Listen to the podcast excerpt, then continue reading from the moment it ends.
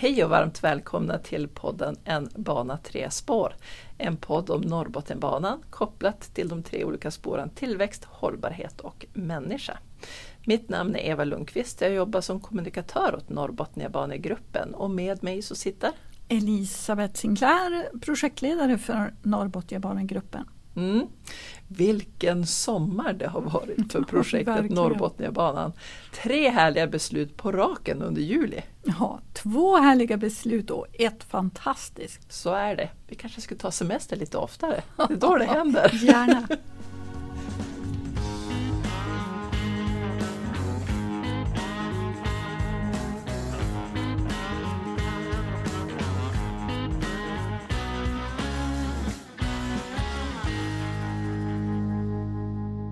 Ja, riktigt i början av juli, sjunde närmare bestämt, så kom ju faktiskt det här beskedet som vi har pratat om under ett års tid nu i podden tror jag. Förlängningen utav eh, ScanMed som faktiskt är EUs längsta stomnätskorridor. Men det här är ju ett besked som har arbetats inför väldigt länge. Ja, jag tänkte det att vi har nog pratat om det längre än ett år. Men det var ju redan 2013 då den Botniska korridoren inkluderades i det europeiska stomnätet för järnväg. Eh, och då jublade vi och sen upptäckte vi då att EU hade pekat ut nio stycken korridorer i stomnätet som skulle prioriteras just för att färdigställa hela det europeiska stomnätet för järnväg. Och det var ju lite snopet ska jag säga. Men sedan dess har vi jobbat tillsammans med många flera andra parter för att få till en förlängning av just den här längsta stomnätskorridoren ScanMed som vi brukar kalla den. Och nu är den på plats. Mm. Ja, för tidigare så slutade den ju i Stockholm. Ja, och så var det med många av de här stomnätskorridorerna att de stannade i huvudstäderna. Så det var ju så, kanske som ett första steg att, eh, till att bygga ut de här korridorerna. Mm. Och, eh, så det känns bra. Vad innebär det egentligen för Norrbotniabanan att tillhöra den här stomnätskorridoren? Ja, men flera, flera olika saker. Ett det är ju att vi har garanterat möjlighet att söka medfinansiering för, eh, ja, för bygge och planering. Och då vet vi ju att om jag minns rätt så jag tror 90 procent av alla pengar som går till infrastruktur i EU går just till stomnätskorridorerna. Nu är ju ehm, konkurrensen hård där men ändå, vi är som på rätt ställe nu. Och eh, sen detta att vi finns med på kartorna. Det finns ju väldigt många tillfällen man har varit i EU och sett att kartorna kapas strax norr om Stockholm och Helsingfors. Och nu finns vi med. Mm. Och eh, givetvis så säkrar ju det här också konkurrenskraft och tillväxt, eh, tillväxt med ett klimatvänligt transportmedel. Ja, och just det där sistnämnda känns ju, det är ju alltid aktuellt men extra aktuellt är det ju såklart nu efter eh, FNs senaste mer alarmerande klimatrapport. Transportsektorn står ju för nära en tredjedel av eh, de fossila utsläppen i Sverige idag så det finns ju lite att jobba på där. Ja, och där vet vi ju att Norrbotniabanan blir ett bra tillskott för att minska koldioxidutsläppen. Så vi är på rätt järnväg. ja, bara en vecka efter det glädjande beskedet om ScanMed så kom ju ett nytt roligt besked och det var ju att eh, Trafikverkets EU-ansökan om medfinansiering beviljades. Den låg på 75 miljoner och det gällde sträckan mellan Ytterbyn och Grandbodarna som är den längsta järnvägsplanen genom Skellefteå kommun kan man säga. Men hur kommer det sig att EU är med och finansierar just den där sträckan? Ja, det är ju så enkelt som att den ligger just i den här korridoren som medger då att man kan söka pengar från EU. Och sen valde ju Trafikverket ut den järnvägsplanen för att det är den som har kommit längst i planeringen mellan Dova och Skellefteå. Man söker ju då från en fond som brukar kallas för SEF, eh, för ett sammanlänkat Europa. Och de öppnar ju möjligheter då och då för att söka då eh, medel för infrastrukturprojekt. Och den här gången så handlar det ju om att eh, avlägsna flaskhalsar, förbättra möjligheter att flytta över gods till järnväg och överbrygga så kallade missing links i transportsystemet. Och där är ju Norrbotniabanan ett väldigt tydligt exempel. Mm. Och eh, den här gången så handlar det inte om bygge utan det handlade om att ta fram studier och tekniskt underlag. Så då sökte Trafikverket då för detaljprojektering och fältundersökningar mellan Ytterbyn och Grandbodarna som utgör cirka 30 kilometer ny järnväg. Och det heter alltså Grandbodarna och inte Granbodarna. Mm. Nej, det, det är nog fler än vi som har sagt fel på det där ska jag tro. Men eh, det var väl fler projekt än Norrbotniabanan som fick glädjande besked samma dag? Ja, alltså totalt så sökte Trafikverket för fem järnvägsprojekt och fick full pott på allihopa. Varav fyra då berörde norra Sverige och det var ju en delsträcka på Nya Ostkustbanan, det var en någon delsträcka på Hallsberg-Mjölby och det var Muddringe-Malmporten i Luleå och så Norrbotniabanan då och sen så var det ju åtgärder i Göteborgs hamn. Så det här var ju otroligt glädjande och våran nu säger jag våran, men den som gäller Norrbotniabanan, den sträckan, den är ju på totalt 150 miljoner och då fick vi då hälften utav finansieringen för den här planeringen. Just det. Och 2015 så beviljade ju EU medfinansiering för planering som just nu pågår för eh, sträckan mellan Umeå och Skellefteå. Och då kan man ju hoppas och hålla tummarna på att EU även kommer att bevilja medfinansiering för planeringen norrut. Ja, och, och det man skulle kunna tänka sig idag det är kanske att vi återigen får 50 procent utav planeringskostnaden. Den går ju totalt på ja, i runda slängar någonstans runt 600 miljoner så att då kanske i bästa fall det landar på 300 eh, miljoner. Men man ska komma ihåg att konkurrensen är jättehård. Men det är så roligt att vi har ju garanterat möjlighet att söka. Det är inte alla som har det. Nej, och på tal om roligt. Mm. Två glädjande besked är ju roligt och det är värt att fira tycker jag. Välkomna till mitt lilla kök i lokförarhytten. Idag ska vi tillreda både en huvudrätt och en efterrätt. Detta för att fira sommarens glada besked. Till huvudrätten blir det en för järnvägsrestaurangen eh, traditionell landgång, en lång macka. Det är sen gammalt. Och här har jag lagt ut brödet som är så långt som stomnätskorridoren från Palermo till Haparanda.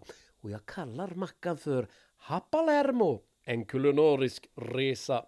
På denna bjuder jag här, ska vi se, lite italiensk ricottaost. Sen eh, mortadellakorv. Mm. Äh, smakar lite grann. Mm. Mm. Mm, mm. Och parmaskinka i små rullar. Vi fortsätter norrut längs mackan till Österrike och här lägger jag på en wienerschnitzel som blir en fin övergång till Tyskland med bratwurst och surkål. Titta så läckert! Nu kommer vi till Danmark och en röd pölse. Kan smaka pyttelite bara på den. Mm, perfekt. Och så avslutar vi denna landgång med svenska köttbullar. Nej, bättre upp. Jag avslutar med den norrländska läckerheten surströmming. Nu ska vi se. Burken är lite... Sådär. Ah, mm, fint ska det vara. Doftar en del.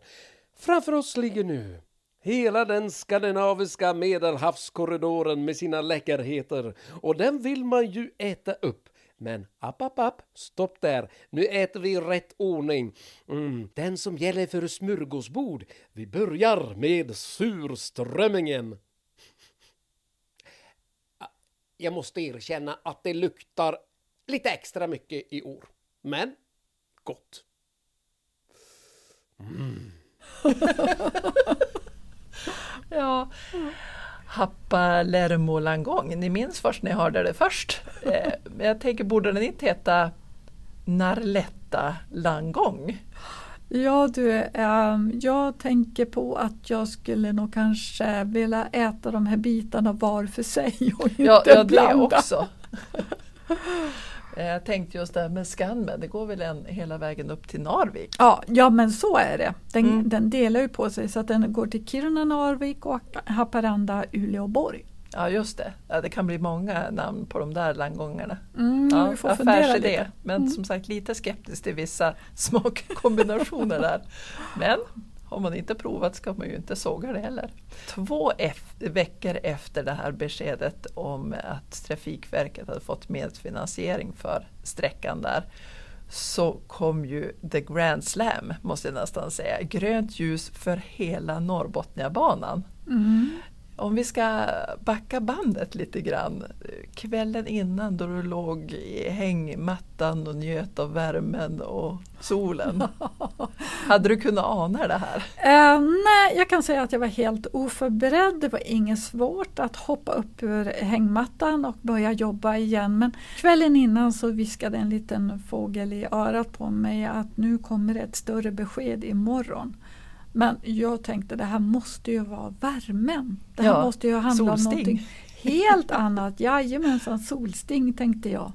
Men det var ju sant. Och eh, vad sa infrastrukturminister Thomas Eneroth på pressträffen? Dels så talar han om att, att de ger i uppdrag till Trafikverket att fortsätta planeringen norrut redan nu mm. och att i den kommande då, nationella infrastrukturplanen så ska man också skriva in en byggstart. Och det känns ju bara helt fantastiskt. Mm. Vi har ju sedan tidigare skapat en tidsaxel på norrbotniabanan.se där man kan följa den här resan mot nästa infrastrukturplan. Ni minns ju kanske det här att ni kunde boka biljetter eh, och det är lite en chans att, att följa den för den använder vi ju då som ett starkt argument kopplat till nästa nationella plan. Men att få det här beskedet just nu känns ju lite historiskt. Ja, det är ju, alltså det var ett bra besked i rättan tid mm. tycker vi. Därför att under det här kommande året, eller det här året så kommer ju planeringen mellan Dova och Skellefteå att vara klar. Och som vanligt så är ju våran farhåga då att, att den här kompetensen och den här erfarenheten som nu Trafikverkets personal har byggt upp sedan 2015 när man påbörjade planeringen att de skulle vara tvungna att liksom spridas för vinden till andra projekt om de inte hade liksom några andra arbetsuppgifter att ta tag i. Och nu med det här beskedet så är det ju en tydlig signal till Trafikverket. Fortsätt att jobba med den personal ni har och, och ta vara på de erfarenheter ni har och en signal till kommunerna att upp på banan, nu måste ni vara med i det som händer. Mm. Och jag tänker att ja, men både kommunerna och eh, Trafikverkets projektgrupp eh, hajade nog till, bara, oj nu är det verkligen på gång. Men även allmänheten. Vi har ju fått många, många frågor just kring personer som kanske är berörda ja. av den norra sträckningen. Precis och det, är ju, det händer ju att det blir lite, det är inte så lätt att hålla ordning på vad Trafikverket, vi gör och Norrbotniabanan AB gör. Men vi försöker hela tiden att lotsa folk så att de hamnar rätt hos eh, Trafikverket så det är ingen fara. På tal om Trafikverkets projektgrupp så kan vi också eh, tipsa om att de har lediga, lediga jobb gällande projektet Norrbotniabanan på eh, deras webb trafikverket.se Norrbotniabanan. Så är du sugen på att eh, jobba med järnväg så håll utkik där för det löpande läggs tjänster ut på den platsen. Men kompetensförsörjningen i stort är ju en utmaning längs sträckan också. Ja, men så är det ju. Vi har ju kan man väl säga lite grann samma maskiner som gruvorna och så har vi då infrastrukturfolk som jag tror de finns ju säkert också på Northvolt och nu ska det etableras fler företag. Och eh, det enda sättet vi kan klara det här på det är ju att eh, samarbeta, samarbeta, samarbeta. För detta med kompetensförsörjningen är ju någonting som börjar bli en gigantiskt stor fråga mm. och som vi är väldigt många som jobbar med. Precis, vi är ju beroende av inflyttning. Ja, så är det. Mm. Så är det.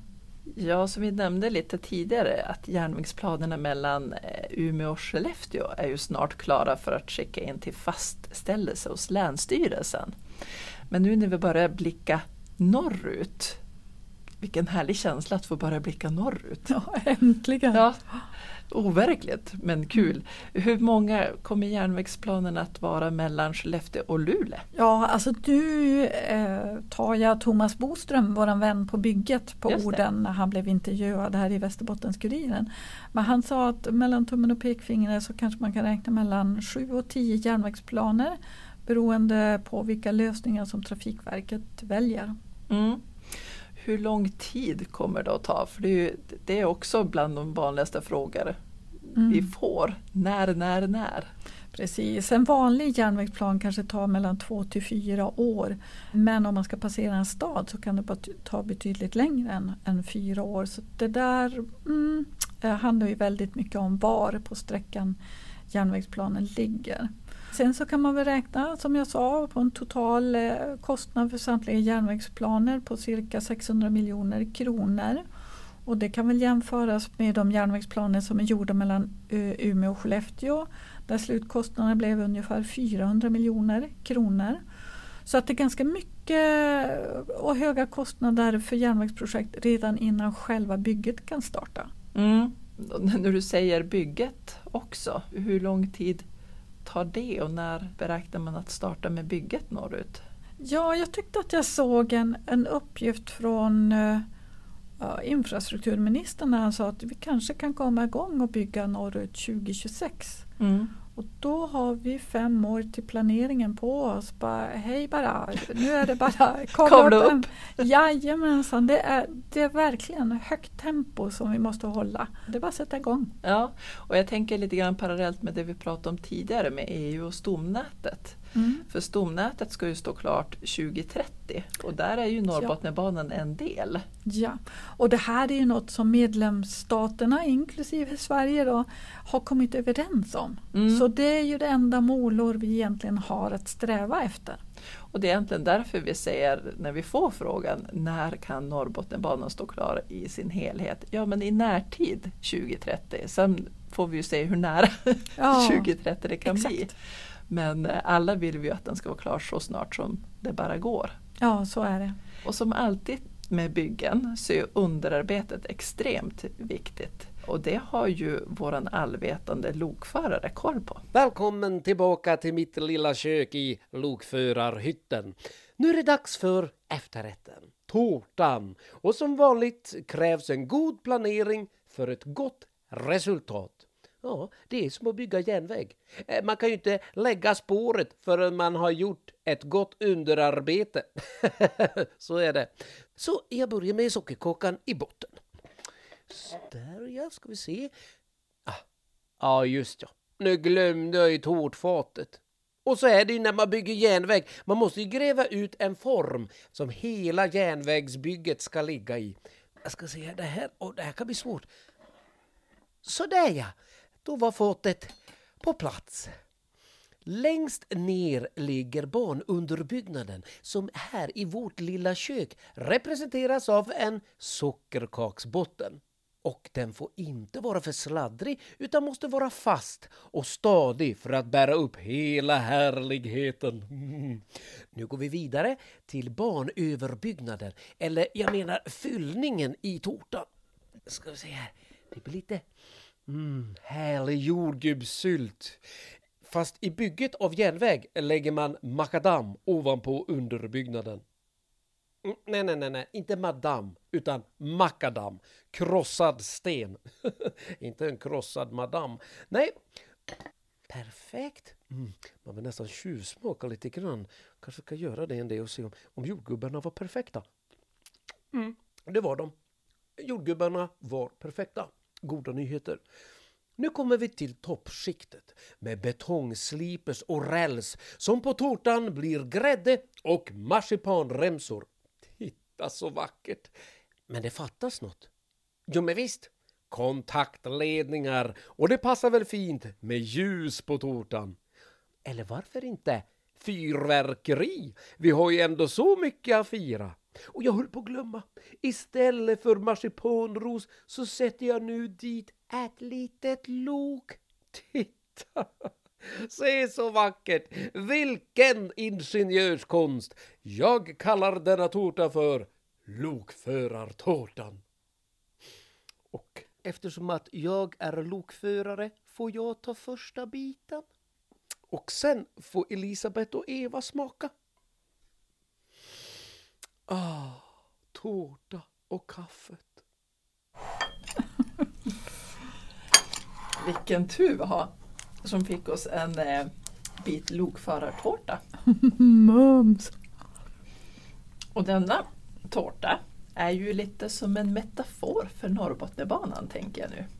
Mm. Hur tänker du nu? Ja, alltså det är ju inte själva järnvägen i sig som skapar nyttan. I det här fallet tårtan. Utan vad vi gör av den när den står klar och hur vi njuter av den på bästa sätt. Järnväg är ju bara stål och betong på backen mm. egentligen. Utan det här handlar ju mer om hur ska vi använda den liksom framöver? Hur tänker arbetsgivare? Jag har ju liksom hört ett Stockholms exempel där man fick tillgodoräkna sig en halvtimme på morgonen, en halvtimme på eftermiddagen. Men det handlar ju också om att eh, vi kan ta oss till andra evenemang och vi kan själva bestämma var vi vill bo och arbeta. Mm. Det har inte varit helt lätt det här just när det gäller arbeten. Som det var en eh, företagare här i Skellefteå som sa till mig att ja, men nu för tiden så är det två som gör karriär i en familj. Och Skellefteå då, om den ena gör karriär så är det inte så lätt för den andra att börja arbetspendla någon annanstans till exempel.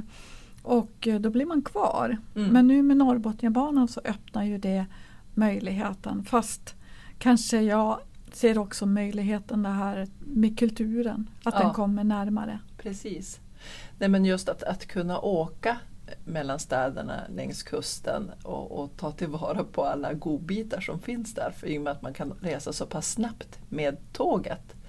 Men även både sidleds, jag tänker upp och ner längs kusten, men även eh, inåt landet tar man sig snabbare då också. Inte, ja. på Norrbot, inte med Norrbotniabanan då, men mm. mellan norr och syd. Ja men absolut, alltså all, allt som kan korta ner restiden är ju välkommet. Men man blir ju lite stolt sådär när podden nämns i eh, Västerbottens Kuriren då, utav Ola Nordebo. Ja, men just det. tog upp just det här om kultur och attraktivitet, vad viktigt det är för våra städer att fortsätta arbeta på det här.